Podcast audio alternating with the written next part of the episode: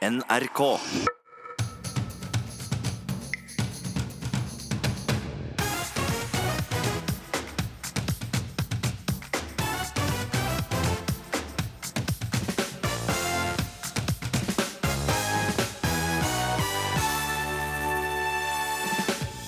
Blir det dyrere strøm nå, dropper jeg elbilen og går over til diesel, sier yrkessjåfør. Han har følgende oppfordring til olje- og energiministeren. Håper at han bare kan eh, få strømkostnadene ned, da. Eh, For det er altfor dyrt. Ministeren er på vei til studio, og hva svarer han? Historien om gameren Mats Steen har rørt mange. Foreldrene trodde sønnen levde et ensomt liv, men etter han gikk bort, viste det seg at han hadde hatt et stort nettverk gjennom dataspillinga. Fortnite-spiller Joakim Newborg Haraldsen fant også trøst i dataspill etter en ryggoperasjon. Så det var jo ingen som visste at jeg lå i sengen og hadde det vondt når jeg spilte. Um, og det var en veldig god følelse. Og ikke vær så sidrumpa da, NRK. Se mulighetene, sier KrF og foreslår et eget NRK-kor. Og Hegge Skøyen, du var jo med i NRKs jentekor for mange år siden. Vil du anbefale folk å synge i kor? Ja, absolutt. Alle burde finne seg et nærkor, men ikke for å bli sidrumpa, tror jeg.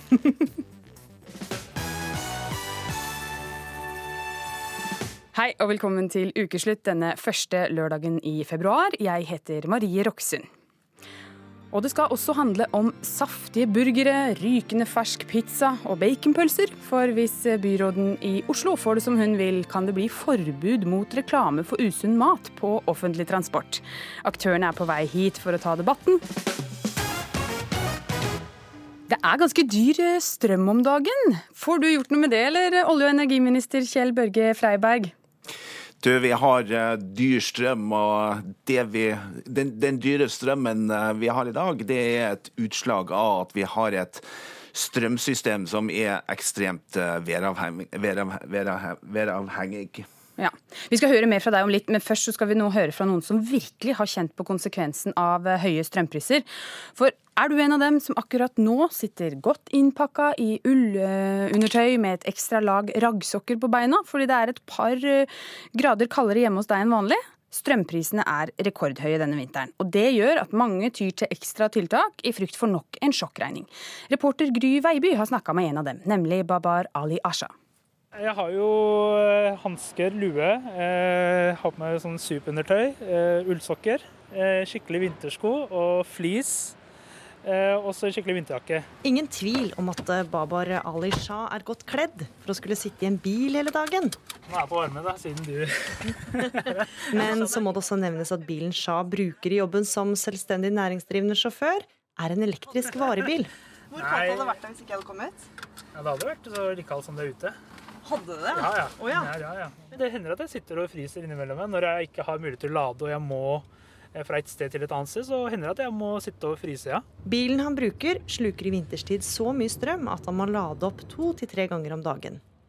Ikke så rart eh, Shah følger ekstra nøye med på strømprisene.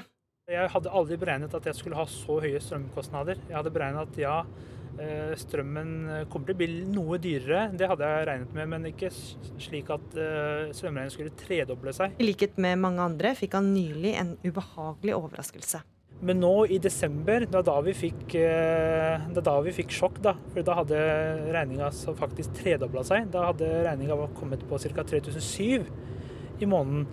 Og da hadde jeg ikke ladet elbilen så mye hjemme. Så det vil si at hvis jeg f.eks. lader elbilen i tillegg til vanlig strøm, da, så kommer det til å havne på rundt 4000-5000 kroner i måneden. Og det syns jeg er altfor mye.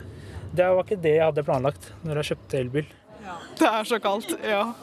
Høye strømpriser i kombinasjon med en gradestokk som kryper nedover, er noe flere av studentene på Blindern kjenner på kroppen. Nei, jeg befinner meg mest på skolen, da. For å unngå å være hjemme. Det er kaldt, ja. Veldig kaldt. Ingen sitter i stua lenger, for det er så kaldt. Vaske klær om natta og sånne små ting er, eh, er lurt for å gjøre, spare litt penger. Men gjør du det, eller? Eh, ja, jeg prøver. Skrur av lyset i de rommene jeg ikke bruker. Uh, Kle på meg litt ekstra, dempe varmen litt. Mens Shah vurderer å bytte ut den hvite elektriske varebilen med en dieselbil. Jeg må beregne sånn ca. to timer ekstra per dag. Eh, kun på lade, ladekø og det å kunne stå og lade bilen. da. Så. Når jeg hadde diesel, så slapp jeg å tenke på det. ikke sant? Da var det bare sånn fylle på og kjøre så langt jeg vil. Så sånn som strømpriser nå, og det totale hverdagen sånn som den blir, da, med venting og ladekø og dyr strøm, og snart kommer bom på la, bom, skal, skal, skal innføre bom òg, så tror jeg rett og slett at jeg kommer til å gå over til diesel og slutte å kjøre elbil. fordi for meg er det ikke lønnsomt lenger. Der hørte vi altså reporter Gry Veiby som snakka med yrkessjåfør Babar Ali Shah. Og vi har jo med oss da selveste strømministeren, eller uh, olje- og energiminister, uh, med oss her i studio. Kjell Børge Freiberg fra Frp. Nå hører du han vurderer altså å gå over til dieselbil. Hva tenker du om det? Nei, jeg skjønner jo at han reagerer. Det er det veldig mange som gjør, fordi at vi har en veldig høy strømpris nå. Og så tror jeg han med flere, hvis vi ser strømprisen over tid, så vil han òg finne, finne, ut at det er god økonomi i å ha en elbil totalt sett. Men hva bruker du sjøl mest strøm på? Nei, jeg bruker strøm til oppvarming av bolig, og jeg òg merker selvfølgelig at strømmen er betydelig høyere enn hva den har vært.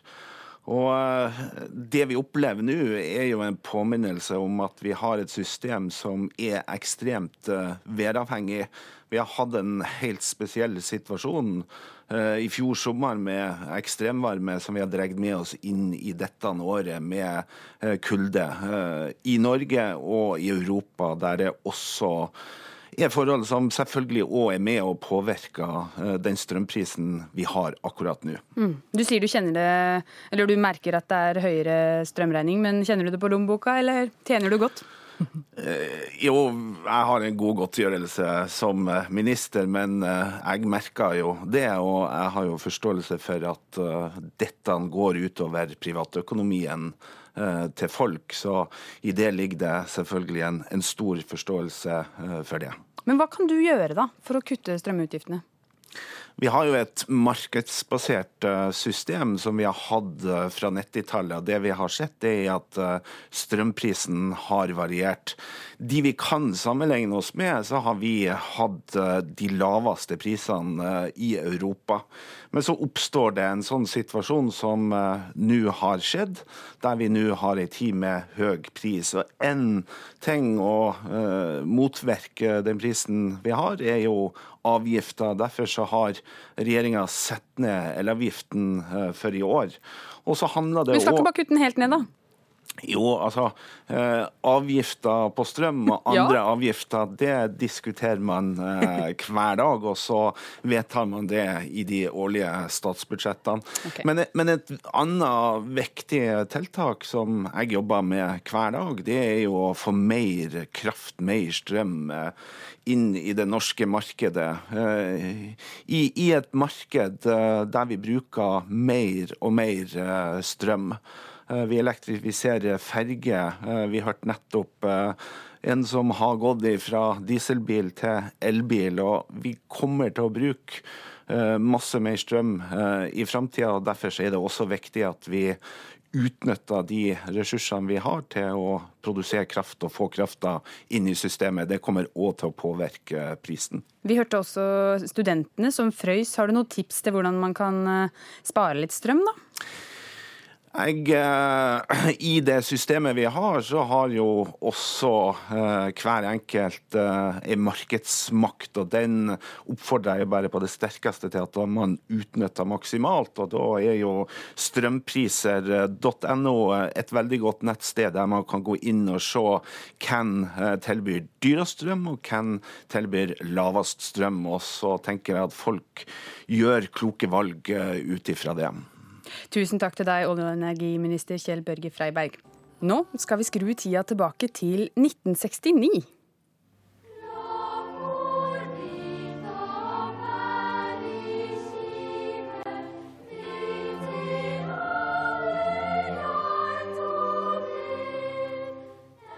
Dette er NRKs jentekor som sang julen inn i 1969. På første rad sto bl.a. 11 år gamle Anita Skorgan og 12 år gamle Hege Skøyen med lyst, kort hår i hvite bluser og skjørt og vest. Skuespiller Hege Skøyen. Bortsett fra julestemning i februar, da. Hvilke følelser får du når du hører det her igjen? Å, massevis. For det første sto jeg jo aldri foran, for jeg var så lang. Så jeg måtte absolutt bakerst. Men jeg får gode følelser, for dette er eh, min eh, oppvekst og min sosiale musikalske redning. Hva betydde det for deg å synge i nettopp dette koret? Det betydde egentlig alt å finne vet Når du finner noen som har en person som er like sterk som din, det finner du kanskje ikke i den umiddelbare nærhet eh, på barneskolen.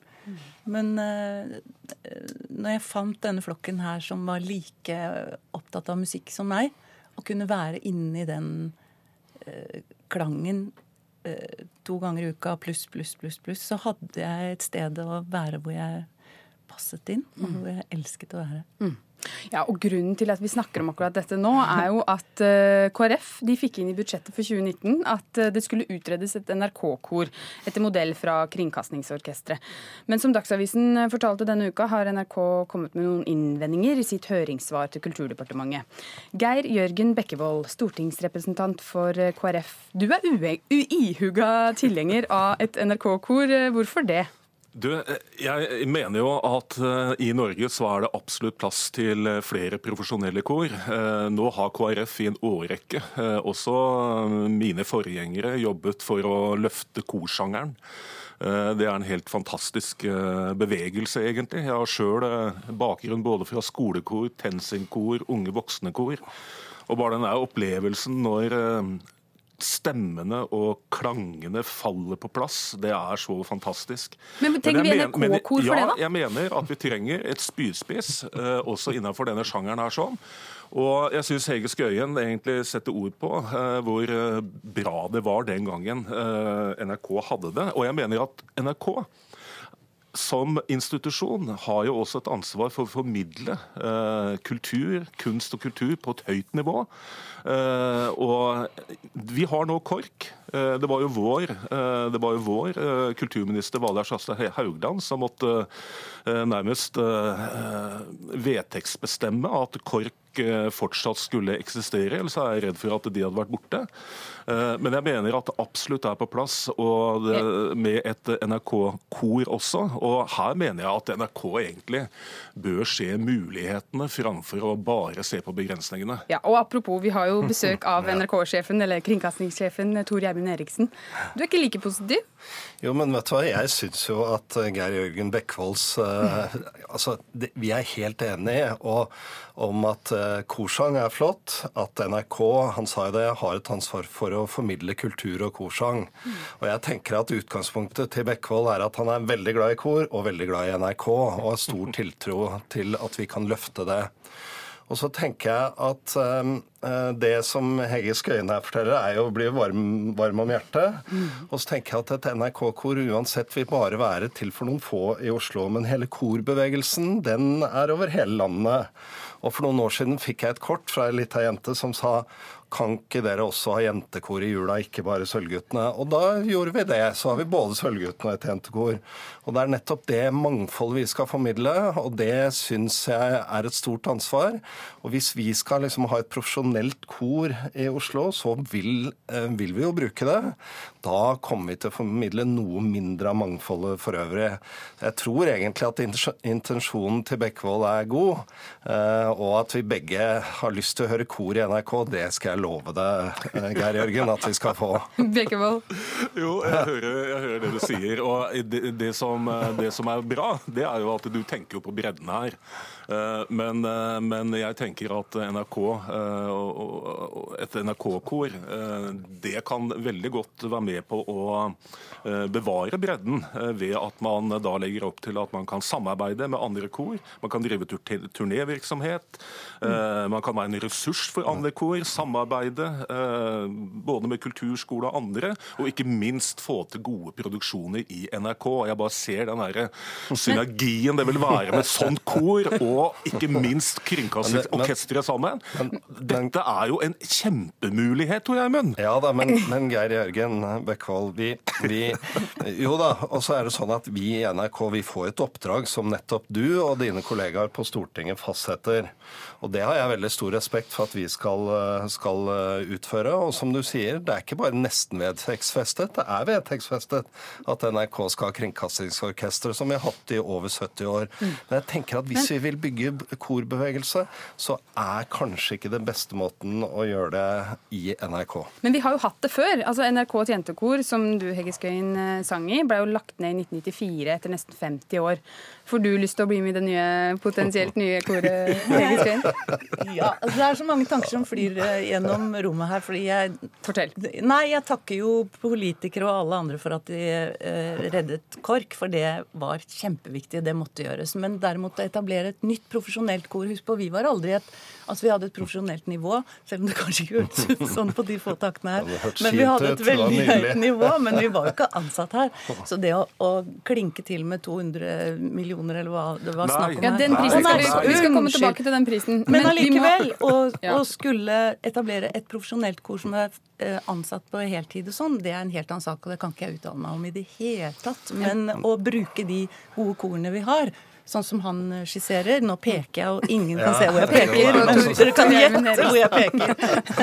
Vi skal, altså, vi, skal, vi skal bare høre et lite lydkutt, fordi uh, vi forsøkte nemlig å tromme sammen et NRK-kor Det glemmer jeg aldri. i ukeslutt før jul, da budsjettet ble lagt fram. Så nå skal vi bare høre hva de fikk til. Og da må det bemerkes at det, det var på to timers øving da, under ukesluttsendinga. Halleluja, halleluja, halleluja, halleluja, halleluja. Halleluja, halleluja, halleluja, halleluja, halleluja. Hege Skøyen, du, det er umulig å ikke legge merke til ansiktsuttrykket ditt nå, for du, du vemmer. Vemmes, hva heter det? Men det er en litt annen standard Geir Jørgen Bekkevold tenker Jo, seg men, til. for men hør på meg. hør på meg. Altså, Dette klarte de å få til bare på to timer. Tenk hva et profesjonelt kor Men hva vil det koste? Ja, men det er så typisk å bringe inn sånn amatørsang når man skal diskutere noe. Nå er ikke de her til å svare på det, så det vil jeg bare si. Nei da. Men uh, Bekkevold, hva vil det koste? Nei, du vet hva, Jeg er så lei meg fordi at de der 200 millionene plutselig begynte å svirre. Og jeg Du kan låne meg. Jeg, ja takk, men jeg tror ikke det vil koste så mye. For at jeg tror at, La oss si at et sånt kor har en stamme på 20 sangere. da. Eh, Så vil jo prisen være noe helt, helt annet. Så jeg tror eh, vi bare liksom skal parkere de 200 millionene. Ja, det vil koste penger, men eh, nå skal jo dette utredes, og da får vi se da, hvordan dette også kan finansieres. Men, men det er jeg enig i. 200 millioner tror jeg verken Vi skal ikke ha et kor på 200 det er- sangere. Nei, det er helt uh, urealistisk. Men, men jeg tenker på at NRK er en mediebedrift og som du sier, et viktig kulturoppdrag. Og vi, Hver dag så skal vi formidle eh, kultur med utøvere fra hele landet. Skuespillere som eh, Hege Skøyen eller andre. Når vi lager dramaserier, konserter, kor osv. Og jeg tror det er en sånn ganske god linje da, at NRK, disse utøverne og kunstnerne skal ikke være ansatt i NRK, men vi skal ha et ansvar for oss å formidle dem og eksponere dem og vise hvor fantastisk det er. Og det er med ett unntak, og det er Kringkastingsorkesteret. Det har vi hatt i 70 år. Og det er i grunn to grunner til at vi har det. Det ene er at vi har det. og har hatt det lenge. Sånn har det alltid vært. Eh, og, det, og det andre er jo at den derre radioorkestertradisjonen i Europa med et halvt eh, Det er jo et lite orkester i forhold til Filharmonisk orkester. 55-56 utøvere. Med en enorm sjangerbredde. Du får ikke et Ja, vanlig har- fi- har- Filharmonisk orkester til å spille underholdningsmusikk, sånn Nei, som men du har, jo, du har jo også eh, i Europa eh, veldig mange kringkastere som også har sine egne Ja da. radiokor. Ja da. Eh, Så det ville ikke vært helt sånn unikt Nei for. Norge. Nei, det er riktig. Men, men, men Bekkevold, hva liksom skal de synge? Bekkevold, helt til slutt. Hva skal hvem synge nå. nå? Hva skal Tore Gjermund synge? Nei, du! Nei, det... Dere! Jeg trodde kanskje du hadde sangen klar. Har Hega kanskje et Gir utfordringer, utfordringa. Tar du utfordringa, Bekkevold? Ja, Det kommer litt an på om jeg kan den. Nei, men, eh, men eh, jeg tenker at dette er jo Utgangspunktet her er en stor kjærlighet til, til norsk kultur og norsk ja, å formidle det det, musikkliv i Norge. Mm. Så tenker jeg det er én ting som er forskjell, som da du gikk i kor, Henge Skøyen. Det er at tenk nå i dag Titusener av barn går på kommunale musikkskoler. Det tror jeg ikke fantes da, da vi var barn, da. Mm. Så musikklivet er blitt større og bredere og flottere i Norge på de 50 årene, da. Tusen takk for at dere var med oss, Helge Skøyen, eh, Tor Gjermund Eriksen og eh, godeste Geir Jørgen Bekkevold. Takk for dere. Du hører på Ukeslutt, og videre i denne sendinga skal du få høre at reklame for usunn mat på trikken kan bli forbudt i Oslo. Tulleforbud, sier stortingsrepresentant for Frp. Folk kan tenke selv.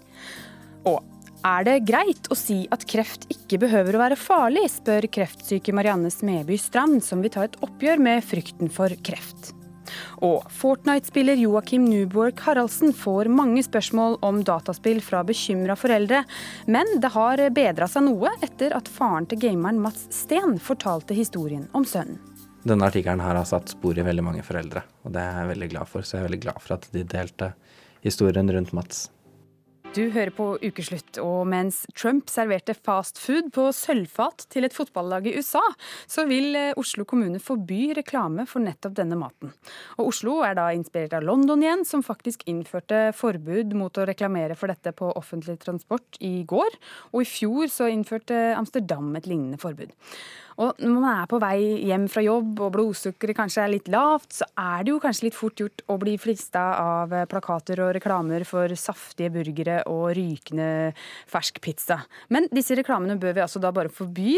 Det mener helsebyråden i Oslo, Tone Tellevik Dahl, som heller vil ha reklame som påvirker oss i en sunnere retning. Helsebyråd fra Arbeiderpartiet, Arbeiderpartiet Tone Tellevik Dahl. Eh, du skal fortelle hvorfor du vil ha dette forbudet, men først så må jeg bare spørre, når falt du selv for fristelsen å kjøpe litt sånn usunn mat? Skal vi se Jeg tror ikke det er så lenge siden jeg kjøpte meg en burger på Burger King. Jeg ser jo på Burger King rett utenfor vinduet på kontoret, så eh, Men jeg motklarer heldigvis ofte å motstå fristelsen. Men jo da, jeg tar en burger en gang iblant, jeg òg. Men nå vil du forby dette her i Oslo? Ja, jeg er i hvert fall inspirert av ordførerne i London uh, og i Amsterdam, som da har um, tatt anbefalingen fra Verdens helseorganisasjon på alvor, nemlig å prøve å redusere markedsføringen av usunn mat, særlig overfor barn og unge. Og da tenker jeg at vi må bruke de virkemidlene vi har. Oslo kommune vi eier mange reklameflater. Kollektivtransporten vår er eh, rullende reklameflater som sådan. og Derfor så syns jeg kanskje at vi også bør vurdere eh, å ha et slikt forbud. I bystyret har vi allerede vedtatt at vi ikke ønsker retusjert reklame. Så når London nå går foran som et godt eksempel i, kampen for en bedre folkehelse, så syns jeg også vi kan i hvert fall eh, se på ideen. Mm. Brun Gundersen, du er stortingsrepresentant for Frp. Du vil ikke ha dette forbudet? Nei, og jeg registrerer jo en voldsom iver etter forbud fra venstresida i norsk politikk. Det er vi i Fremskrittspartiet imot, fordi vi tror at folk klarer å tenke selv og ta kloke valg på vegne av seg selv. Nå ser vi jo at Oslo har allerede forbudt retusjert reklame. De har forbudt heliumballonger på 17. mai. Fremmer forslag om å forby solariumsreklame.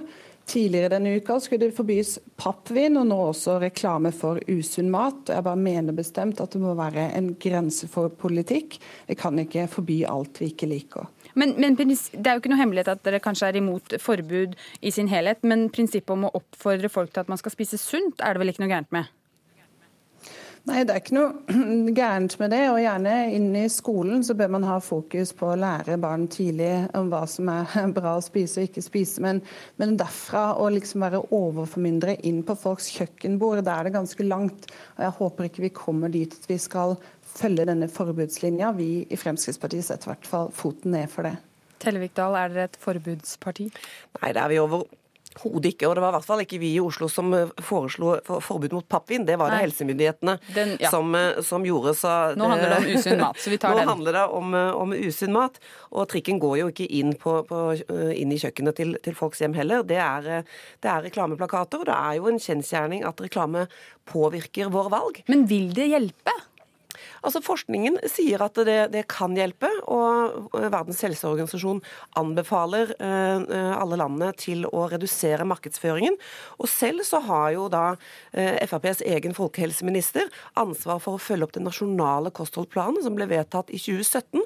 og Der står det svart på hvitt at vi må prøve å redusere markedsføringen av usunn mat.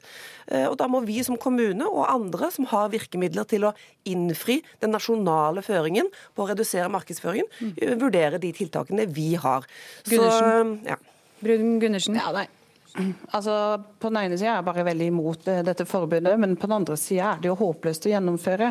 Det må være veldig byråkratisk og vanskelig å sette disse grensene. og Jeg ser for meg at Oslo kommune nå ansetter en vestkantveganer som skal sette disse kriteriene selv, og bare tillate reklame for økologiske grønnsaker. Vi må nødt til å huske at mat er også velferd. Voksne folk i Norge klarer å ta kloke valg på vegne av seg selv. og Jeg tror heller ikke det er så fristende med disse reklamene som de skal ha det til. Jeg tror at voksne folk spiser akkurat det de har lyst til, uansett hva Oslo-byråden i Oslo måtte mene. Men eh, Tellevik Dahl, hvordan skal man egentlig håndheve dette her? Eh, vi gjør jo allerede nå utredninger på hvordan vi skal få gjennomført bystyrets vedtak om å ikke ha retusjert reklame, eller i hvert fall merke det som sådan. Så det arbeidet som pågår der, det vil jo da også vise oss hvordan vi kan få til eh, dette. Men skal det være sånn at uh, nøkkelhullprodukter f.eks., det er sunn mat per definisjon, så da skal man kun reklamere for det? Nå har Verdens helseorganisasjon gitt anbefalinger til, til landet om hva de definerer som usunn mat. Og så vil vi jo måtte også høre med både London og Amsterdam hva de legger til grunn som kriterier da, for hva som er å anse som usunn mat. Men igjen, da. Kollektivtrafikken i Oslo det er på en måte kommunens private eiendom. Og jeg syns i og for seg at FrPs politiker ikke burde mene så mye om hvordan vi ønsker å bruke våre reklameflater, like lite som jeg antar hun vil blande seg inn i borettslag, som også leier ut både takreklameplass og veggreklameplass. Mange har også ulike krav til hva de ønsker på veggen til sin egen eiendom. Brun Gundersen? Ja, nå er jo dette definitivt et eh, spørsmål som kommer politisk opp i Oslo, Oslo. Og jeg vet dessverre at Arbeiderpartiet har flertall der sammen med Rødt og MDG og kan gjøre som de vil.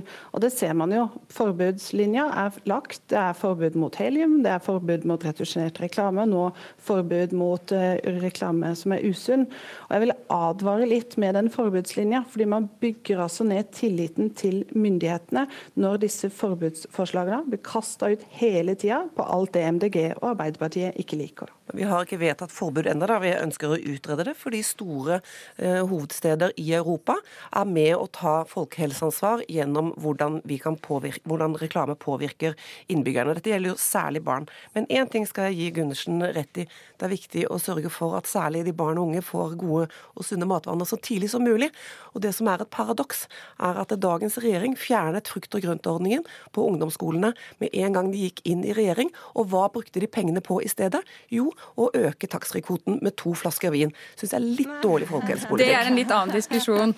Det er en litt annen diskusjon, den tar vi ikke her nå. Men Åshild Brun Gundersen, eh, helt til slutt. Eh, har du, hva med deg? Nå stilte jeg spørsmålet innledningsvis til eh, Tone Telvik Dahl.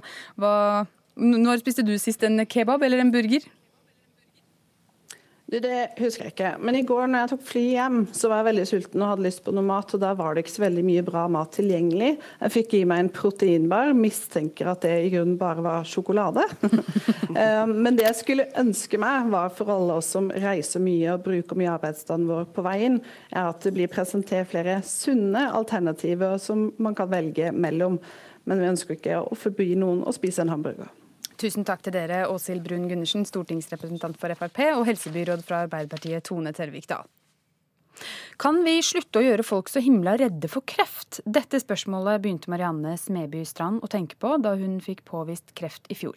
Og det resulterte i en kronikk i VG denne uka. For ikke bare skal du takle beskjeden om at du er syk, du skal forholde deg til medieoppslag, krisemaksimering og skrekkscenarioer. Dette på tross av at overlevelsesprosenten på mange kreftdiagnoser er høyere enn gang, eh, noen gang. Det skriver du, Marianne Smeby Strand. Hva gjør at du skriver dette nå? Du, det har nok ligget og ulmet helt siden jeg fikk diagnosen min i august i fjor. Eh, livet ble snudd veldig på hodet i en tid der eh, Kreftforeningen hadde kampanjer ute som eh, jeg merket eh, gjorde noe med meg. Eh, og så kjente jeg på det at kampanjene om død og elendighet og senskader og alle grusomheter du skal gjennom i forbindelse med kreftsykdom, det, det, det syns jeg ble litt voldsomt, rett og slett. Isolert sett så er jo dette gode kampanjer, men det ble så massivt å sitte i en situasjon Eh, hvor man tross alt er litt eh, sårbar, for å si det forsiktig. Og da, og da, kjente jeg på at dette her ble litt mye. Og så er det noe med at den medisinske utviklingen har gjort eh, kvantesprang på behandlingen av veldig mange kreftdiagnoser, inkludert min. Og, og, og så tror jeg kreft, frykten vår har stått litt på stedet hvil. Og så vil jeg nyansere dette litt, for jeg tenker at kreft er så mye. Eh, men man putter alltid en sekkepost eh, som blir den store, skremmende kreft. Og så kommer frykten. Og da Det må vi ta på alvor. Og det, det var grunnen da, til at jeg skrev mm. denne kronikken. Mm. Du, nevner, eh, du nevner kampanjer her, og vi har med oss assisterende generalsekretær i Kreftforeningen, Ole Alexander Oppdalshei. Hva tenker dere om det hun skriver?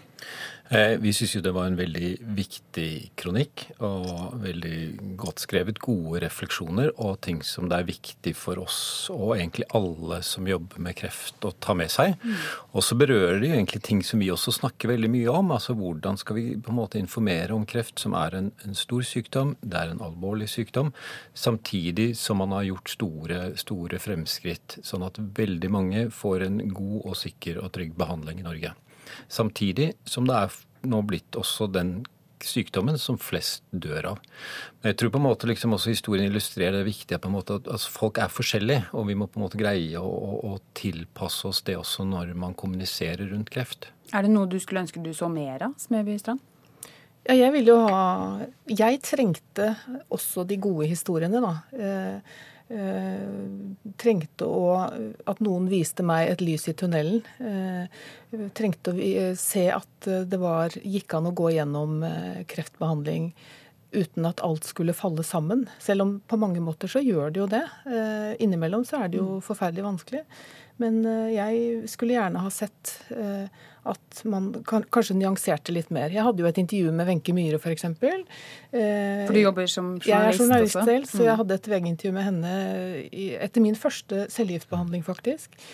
Og hun ante jo ikke at jeg var syk. Eh, det er ikke noe tema når jeg er på jobb. Men eh, hun kunne da fortelle meg hvordan hun kunne se tilbake på et år som syk med fantastisk flotte opplevelser.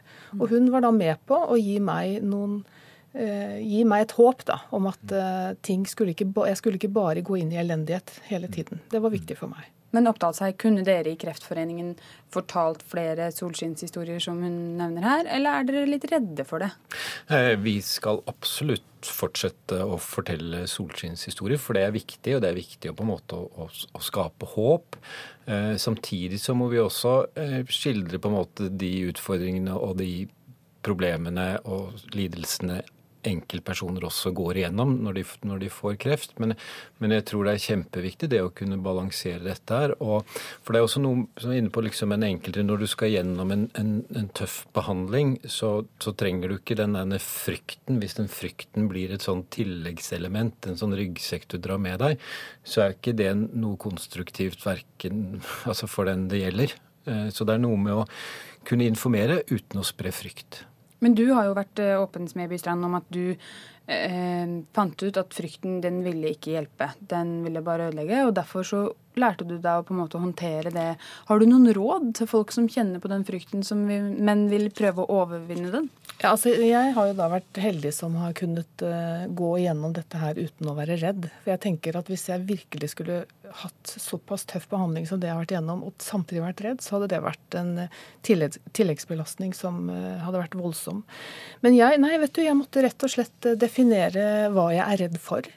Fordi frykt blir jo Frykt for kreft, det blir liksom en stor suppe av eh, hva er det egentlig vi er redd for. Mm. Og det måtte jeg gå en eh, ganske grundig runde med meg selv på og finne ut av uh, hva er det jeg er redd for, rett og slett. Hva innenfor dette store uh, som jeg skal gjennom nå, er det jeg er redd for. Men Hva da, satt du igjen med? Hva var det du var redd for? Jeg var veldig redd for cellegiften. Mm.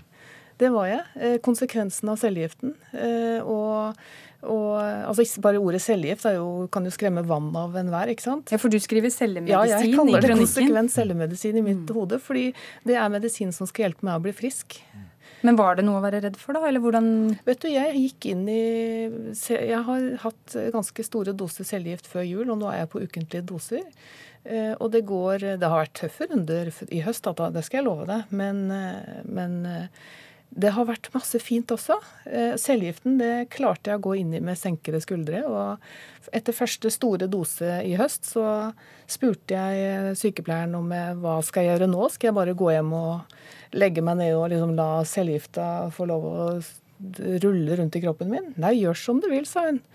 Ja vel, tenkte jeg. Da går jeg hjem. Og så tok jeg en tur med bikkja i skogen og kjente hvor ufattelig godt det var. Mm. Og da kjente jeg også på en sånn der følelse av at ja, dette her skal gå veldig bra. Mm. Eh, frisk luft. Kroppen fungerte til tross for at jeg var full av cellegift. Det var en god følelse, for å si det sånn. Ja. Hvilke råd gir dere i Kreftforeningen? Nei, men jeg tror Marianne er inne på det mye. og Utfordringen er jo også det å gi råd. altså Veldig mange er forskjellige. Men det der, og hvis man i den grad man mest mulig kan leve sitt vanlige liv altså Det som jeg sier, da, liksom ikke mm. Hvis man har mulighet til å ikke måtte hvile, komme seg ut, eh, møt venner, hold kontakt med familie, eh, kom seg ut, så er jo det ofte mange opplever som viktige. Og så er det kjempeviktig det å kunne ha nær kontakt med sin lege, sin behandler, lege, og, og spørre. Altså ikke være redd for å spørre. altså Det fins ikke noen dumme spørsmål om, om senvirkning, om behandlingen man skal gjennom. For jeg tror også mye av hva skal jeg si, kunnskapen kan jo også være med å redusere den ekstra usikkerheten som en kreftdiagnose gir. Mm. Tusen takk for at dere var med oss her i dag eh, i Ukeslutt, Marianne Smeby Strand og Ole Alexander eh, Oppdalshei.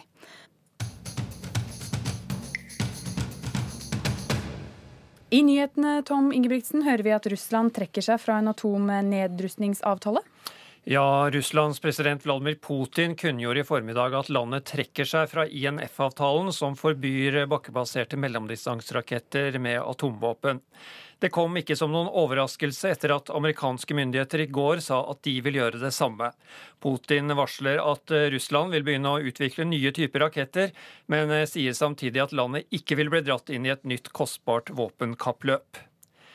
I Bergen ble det i dag klart at kvinnen som er siktet for å ha prøvd å drepe de tre barna sine, ikke kommer til å bli avhørt nå i helgen. Det sier kvinnens forsvarer.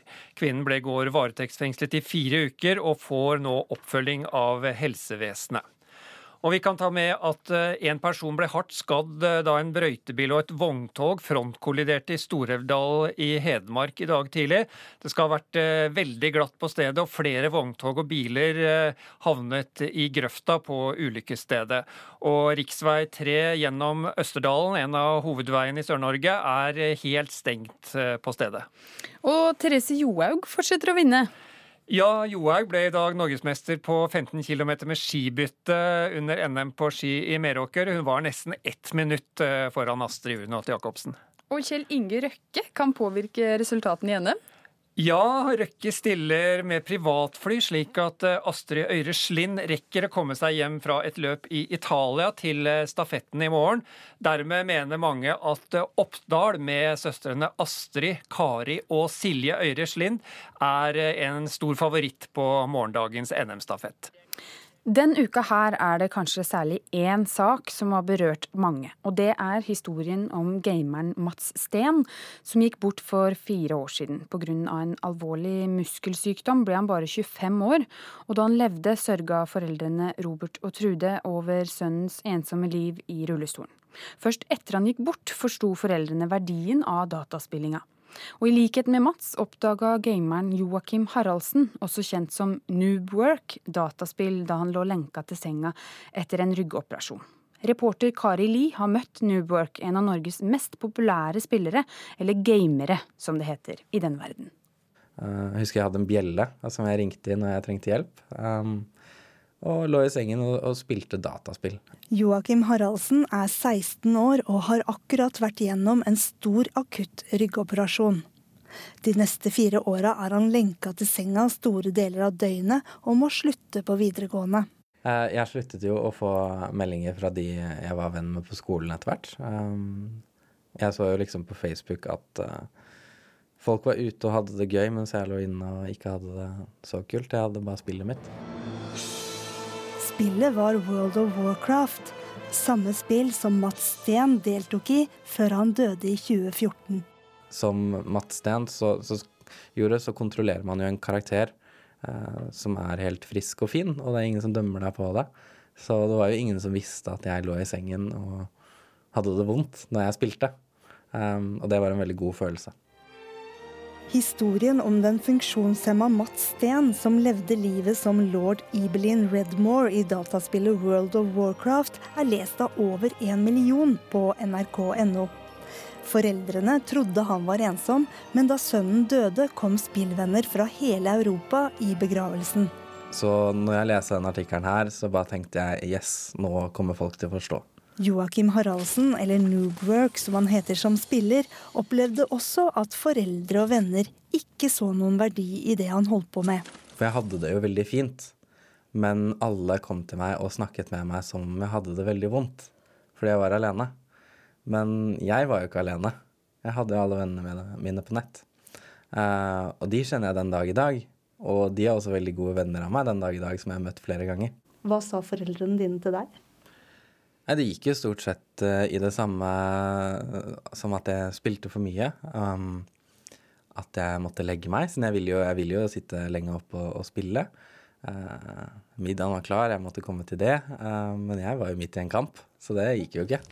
Men nå er det ingen som maser lenger. Haraldsen lever nemlig av inntektene fra sin spillkanal på YouTube, og 24-åringen har allerede bil og egen bolig. For det hjelper ikke å løpe nå, for nå dør jeg. Ja, det stemmer.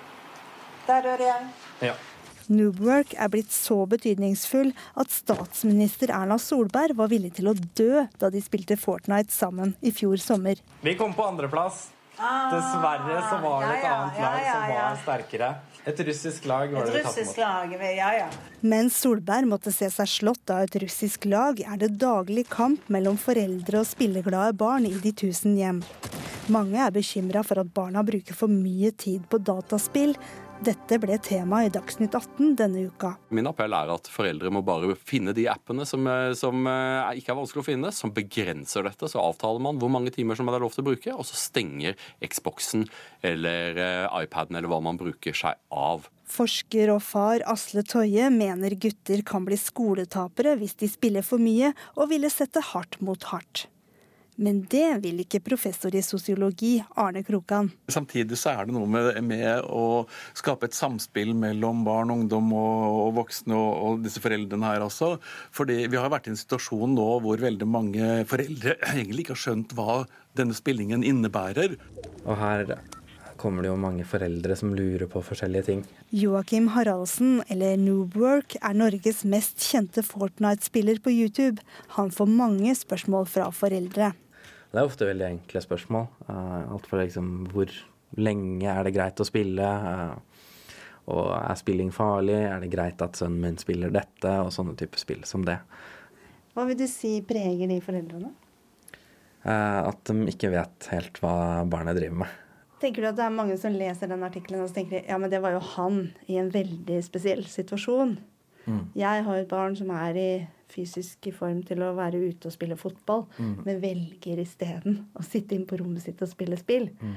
Hvis de velger isteden for å være ute og være fysisk, så syns jeg at man bør gjøre noe med det. Siden det er veldig viktig med fysisk trening også. Um, men man skal ikke være redd for at de sitter eh, foran datamaskinen.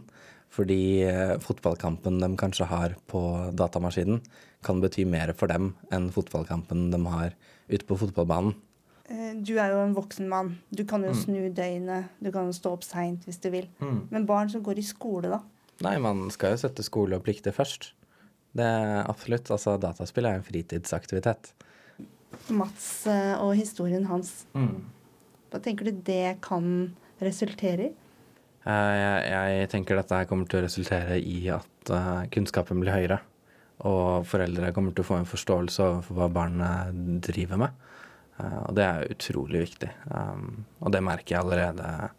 Denne artikkelen har satt spor i veldig mange foreldre, og det er jeg veldig glad for. Så jeg er veldig glad for at de delte historien rundt Mats.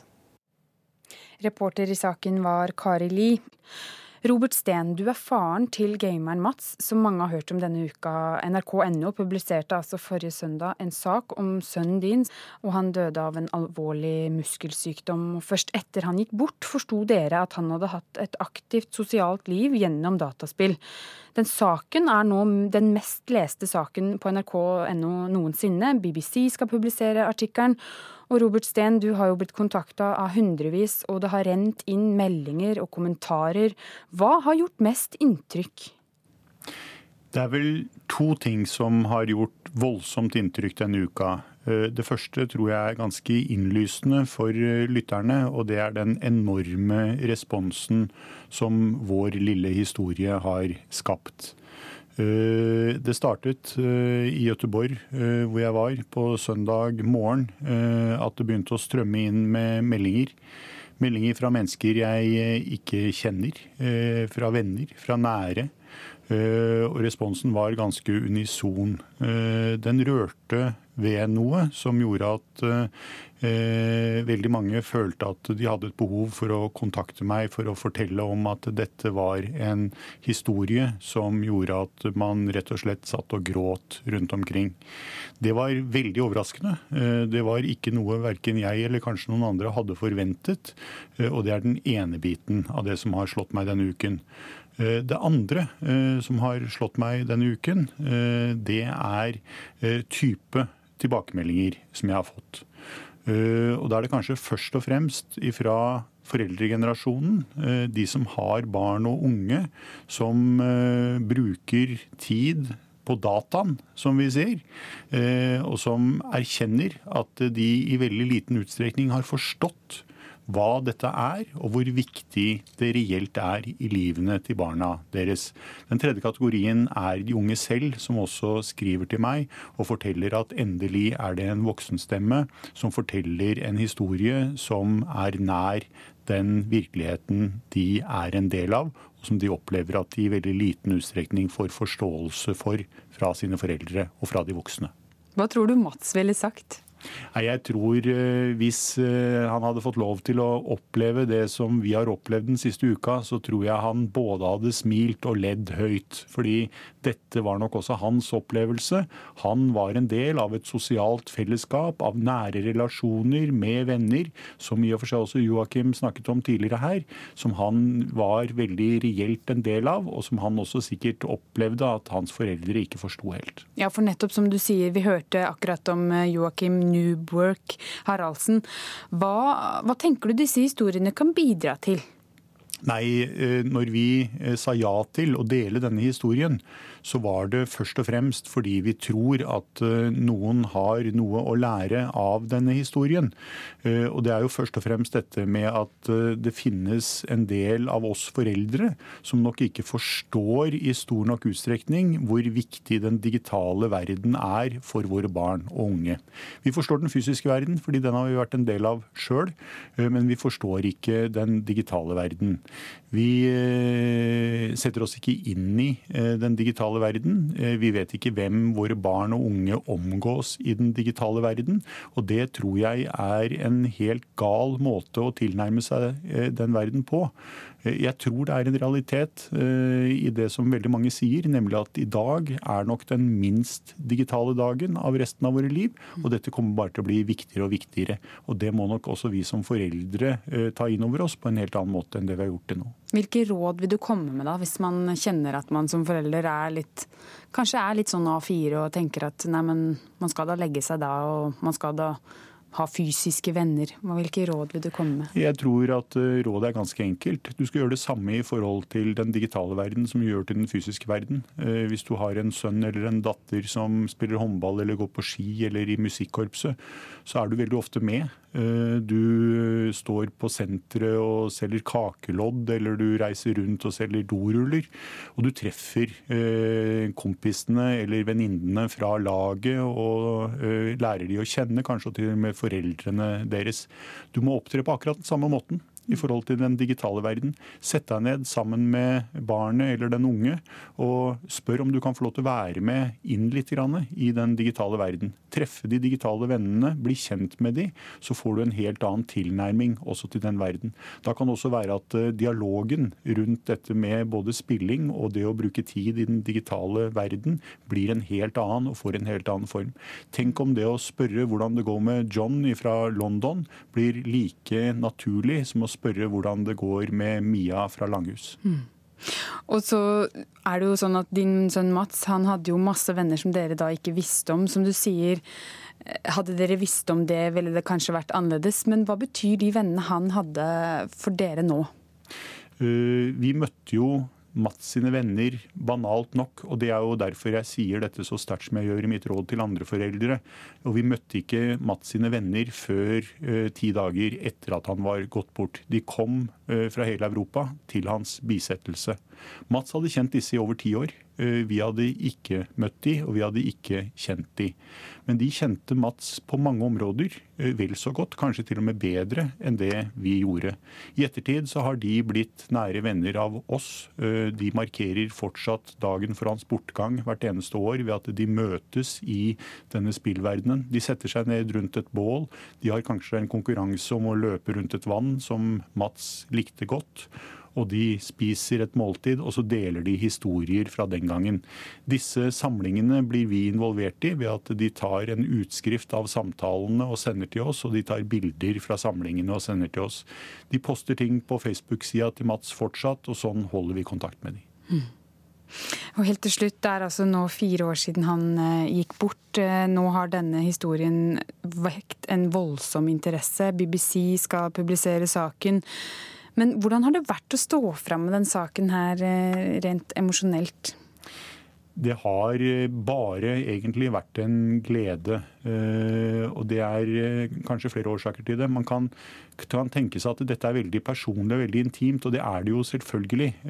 Men nå er nok den situasjonen som Mats var i, nemlig at han var født med en muskelsykdom som gjorde at han fikk et forkortet liv, det er en situasjon som vi har visst om siden 1993. Det betyr at vi har hatt lang tid eh, til å bli vant til denne situasjonen.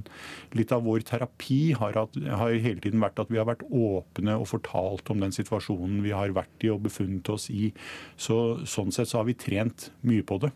Eh, når man i tillegg opplever den enorme positive responsen det er eh, å få lov til å dele en historie som veldig mange finner verdifull, så er også det en enestående glede. Tusen takk for at du var med oss her i Ukeslutt, Robert Steen. Bare hyggelig. Du hører på Ukeslutt, og i den siste halvtimen skal du få høre mer om at forsker Simen Gaure skriver at katastrofescenarioer om klima skremmer vettet av skoleelever. Feil, vi må av med silkehanskene, svarer forfatter Sigbjørn Mostu, som holder foredrag om klima for skoleelever. FN slår alarm etter at CO2-innholdet i atmosfæren nok en gang har steget til et rekordnivå. Stanses det ikke nå, kan stigende hav, tørke, ørkenspredning og ekstreme hetebølger gjøre store områder på jorden ubeboelige. Now. Ja, nyheter om klimaendringene kan være skremmende. Og skremt, det ble elever fra Namsos etter et skoleforedrag om klima. Jeg ble skremt over hvor lite tid som gjenstår før håpet egentlig er ute, sa skoleelev Eivind til Nam Namdalsavisa. Og det fikk forsker Simen Gaure til å etterlyse nyansene i klimaformidlinga til barn i en kronikk i Aftenposten. Simen Gaure, er ikke klimaendringene så alvorlige at også barna må vite fakta? Eh, jo, jeg syns jo at eh, det er ganske alvorlige. Eh, men det jeg etterlyste først og fremst, var Ja, det, jeg reagerte på, var jo først og fremst at de ble redde. At det ble en, en slags apokalyptisk visjon, om man skal si det sånn. Men kanskje det er grunn til å være redd? Ja, det var det jeg, jeg ble litt nysgjerrig, så jeg bladde litt i FNs klimapanels rapport. Og det som er viktig hvis det er snakk om at mennesker får problemer, det er jo hva som skjer med mennesker, hva som skjer med samfunnet. Eh, nå kan man diskutere om, om, det bare er økonomi som teller, men det er jo det eh, de har sett på når det gjelder samfunnsvirkning da, av klimaendringer. Og, de sier jo det at ja, det kommer til å bli problemer, men de er ikke større enn det man har av andre eh, samfunnsproblemer som har med ja. Vi skal høre fra Sigbjørn Mostue. Du er forfatter og en av foredragsholderne som reiser rundt med foredraget 'Håp eller katastrofe'. Eh, det kan jo høres ut som at disse elevene på Namsos eh, har fått med seg katastrofebiten. Dere er ikke redde for å skremme barna for mye, da? Nei, vi er ikke det, altså. Eh, og det er heller ikke vår mening å skremme, skremme ungdommene. da. Det er jo bare snakk om en videregående skole. Og i hvert fall ikke skremme dem til apati. Tvert om så er jo det motsatte som, det vi, som er det vi ønsker å, å, få til. Og det gjør vi faktisk òg.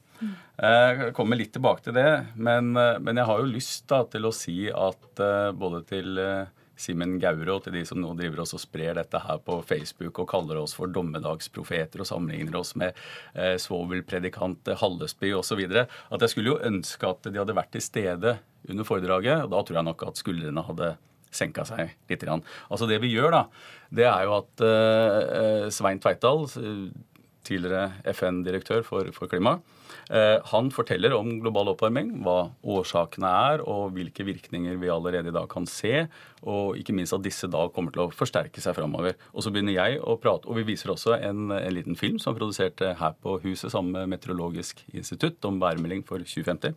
Så begynner jeg å snakke om den sjette masseutryddelsen. og det faktum at, eh, at eh, i løpet av 44 år så er bestanden av ville dyr, fugler, fisk, insekter osv. blitt redusert med 60% Hva årsakene til dette er? Krypskyting, overfiske, ødeleggelse av habitater osv. Men eh, det er klart at for noen så er dette sterk kost. Men det som er viktig å få fram, det er at etter dette så begynner vi å snakke om løsningene på problemet. For løsningene finnes instrumentene har vi langt på vei.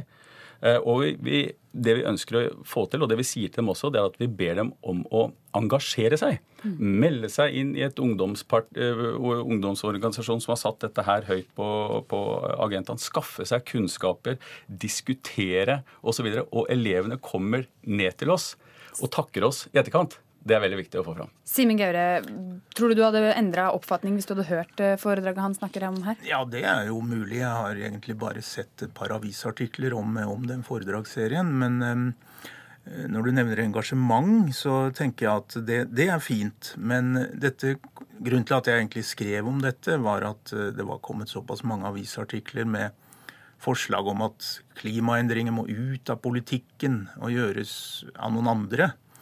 Eh, I Sverige var det noen bloggere som mente at eh, statsministeren måtte overkjøre folket.